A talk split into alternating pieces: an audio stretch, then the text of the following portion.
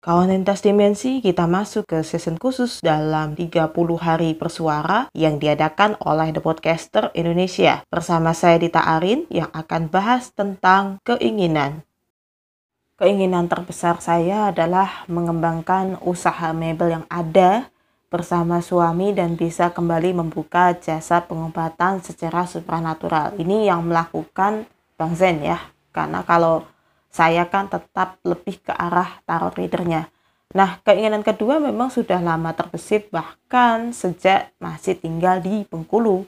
Bukan karena saya tertarik biar jadi kayak Ibu Nisiti Nampi yang wah pasiennya sampai antri tahun depan tahun depannya lagi ya. Tapi saya selalu suka mendengar cerita dari kasus yang dihadapi oleh Bang Zain. Jadi cerita-cerita kehidupan itu yang saya ambil ya kan orang yang datang ke Bang Zen untuk minta tolong diobati itu nggak selalu kena penyakit kiriman dukun.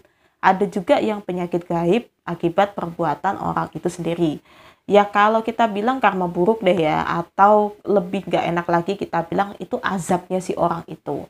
Ya kalau sudah begitu akan lebih sulit dalam mengobatinya karena hal yang terberat yang harus dilakukan oleh si pasien maupun keluarga besarnya. Ini ada hal yang terberat dan ya menurut kita bisa jadi remeh ya untuk saat ini. Tetapi kalau sudah mengalami hal seperti penyakit akan jadi berat rupanya.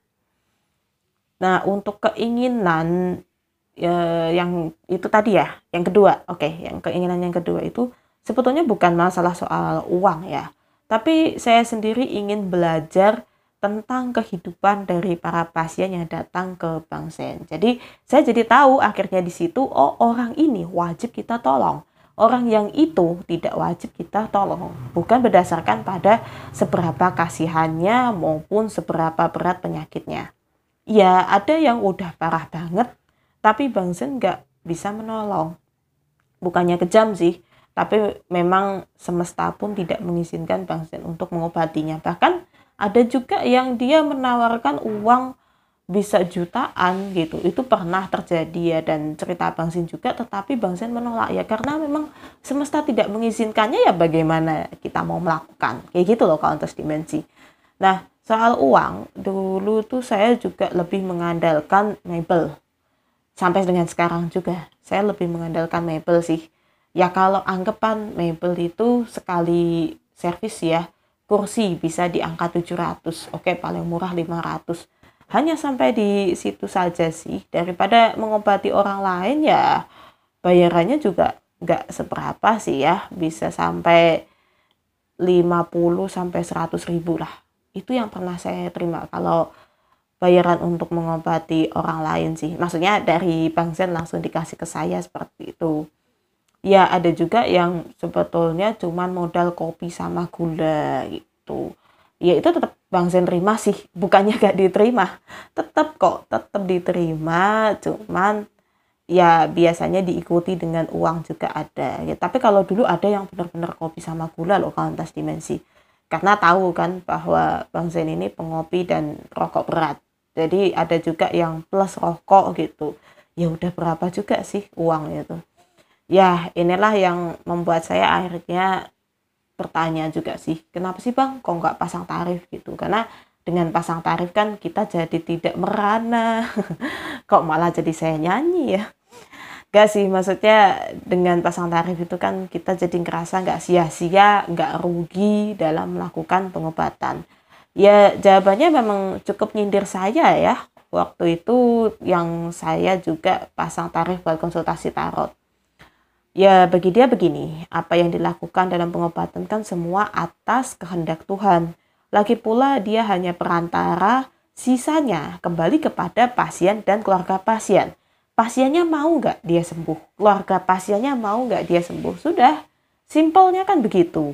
Nah, tinggal Bang Sen ini membantu. Ayo kalau mau sembuh, ini loh yang harus dilakukan. Jadi kayak gitu kalau atas dimensi. Ya, dan dia merasa di mana letak ruginya gitu kan.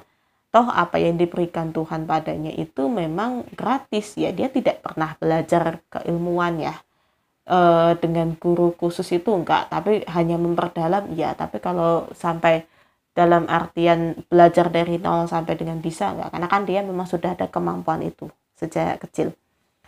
Iya juga sih ya. Memang nggak ada hak Bang Z untuk menarik keuntungan dari pengobatan secara supernatural jadi anggapan saya itu kopi gula kadang beras kadang kan jajanan anak-anak kadang buah kadang rokok ya itu sudah jadi rezeki tersendiri gitu.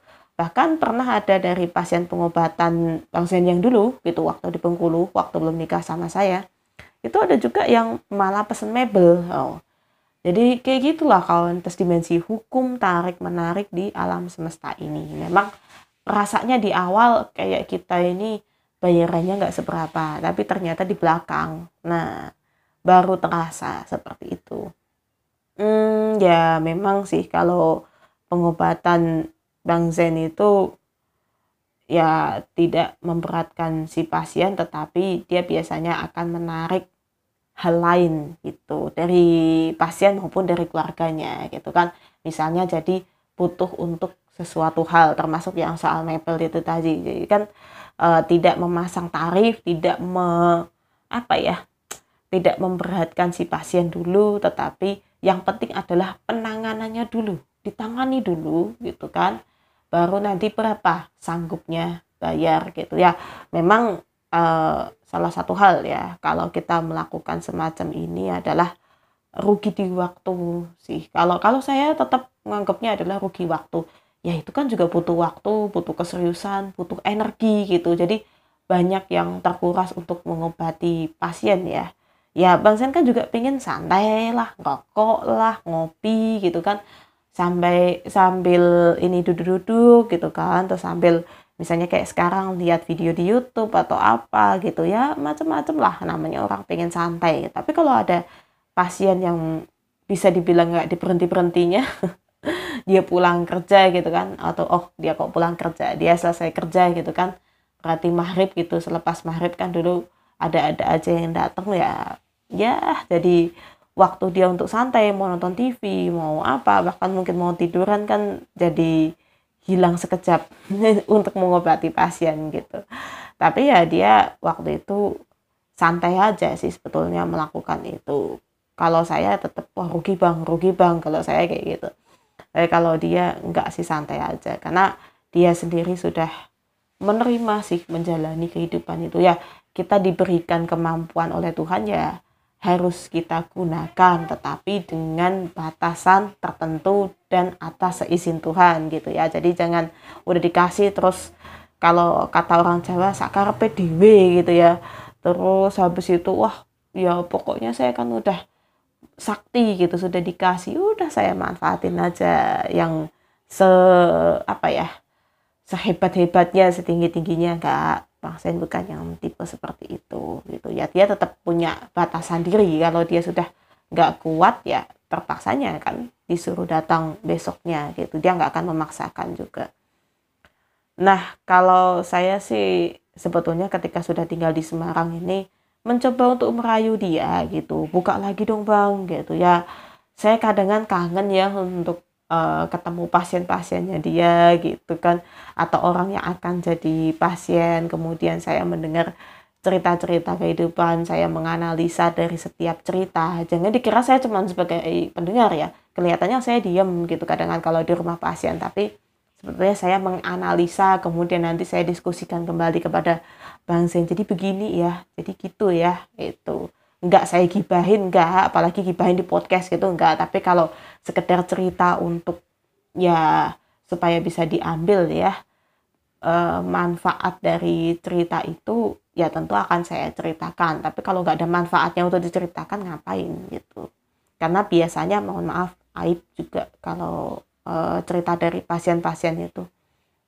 Ya masalahnya begini kalau untuk yang di Semarang ya dia sudah terlanjur menyatakan vakum itu jadi segala kemampuan untuk mengobati orang di, sudah dikunci itu tapi sementara waktu dan bisa dibuka kembali tapi dengan catatan dia harus melakukan puasa mutih untuk membersihkan diri selama tiga hari. Jadi puasa mutih itu bukan bikin sakti ya kauntas dimensi ini persepsi yang keliru sekali di masyarakat wah kalau melakukan puasa mutih berarti sama dengan paranormal enggak.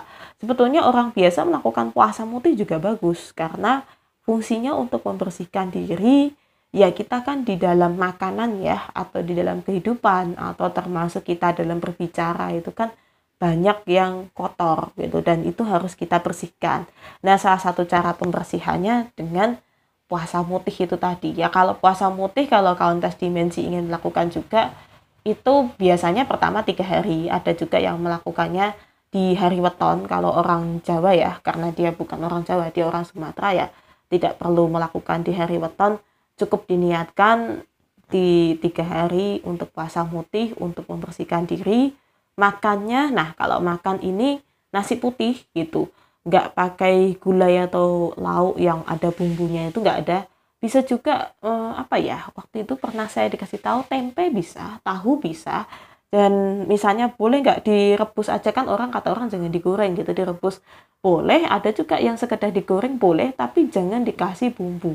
Termasuk garam pun nggak boleh gitu. Jadi kalau kata orang Jawa apa ya makan tapi sesuatu hal yang sepo dan kalaupun minum kan misalnya orang tuh wah bisa minum justru gitu ya minum ya minuman bersoda gitu. Ini enggak sih bisa minumnya hanya air putih aja yang dibolehin. Kalau susu susu masih ada rasanya ya jadi nggak boleh juga sih. Jadi ya masih air putih itulah untuk ini pelepas dahaga kalau kata orang ya. Biar gak haus gitu itu minumnya air putih. Jadi bukannya full nggak makan nggak minum ya. Kalau beda dengan ngebleng itu kan bener-bener nggak makan nggak minum. Tetapi kalau yang puasa mutih itu masih ada makan minum cuman dia makan minumnya sesuatu yang masih bersifat sebetulnya nabati ya. Kalau hewani itu kan ada daging ayam atau apa gitu. Ya nabati sih kayak tempe itu kan nabati juga. Tahu ya nabati. Terus nasi nabati juga. Jadi tapi yang sesuatu yang putih gitu kalau kentang lah ini tanda tanya. Saya belum tahu kalau yang kayak gitu. Tapi setahu saya namanya mutih berarti ya kita makan makanan yang putihan gitu. Alias yang berwarna putih. Ya begitu ya. Kauntas dimensi uh, cerita saya tentang keinginan untuk membuka kembali jasa pengobatan secara supranatural. Memang terhenti di situ juga kan. Kalau sudah dinyatakan vakum cukup sulit ya.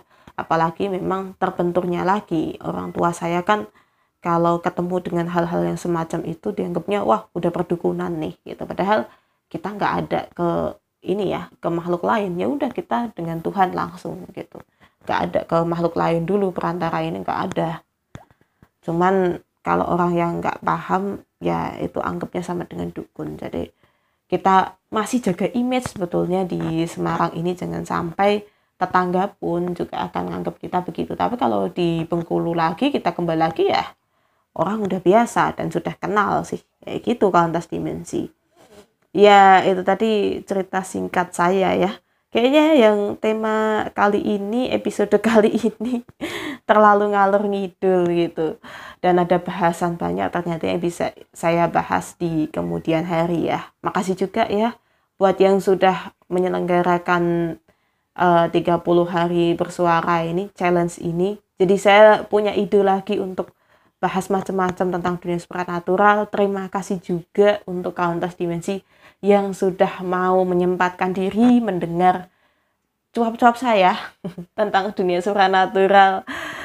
Terima kasih semuanya dan salam semesta.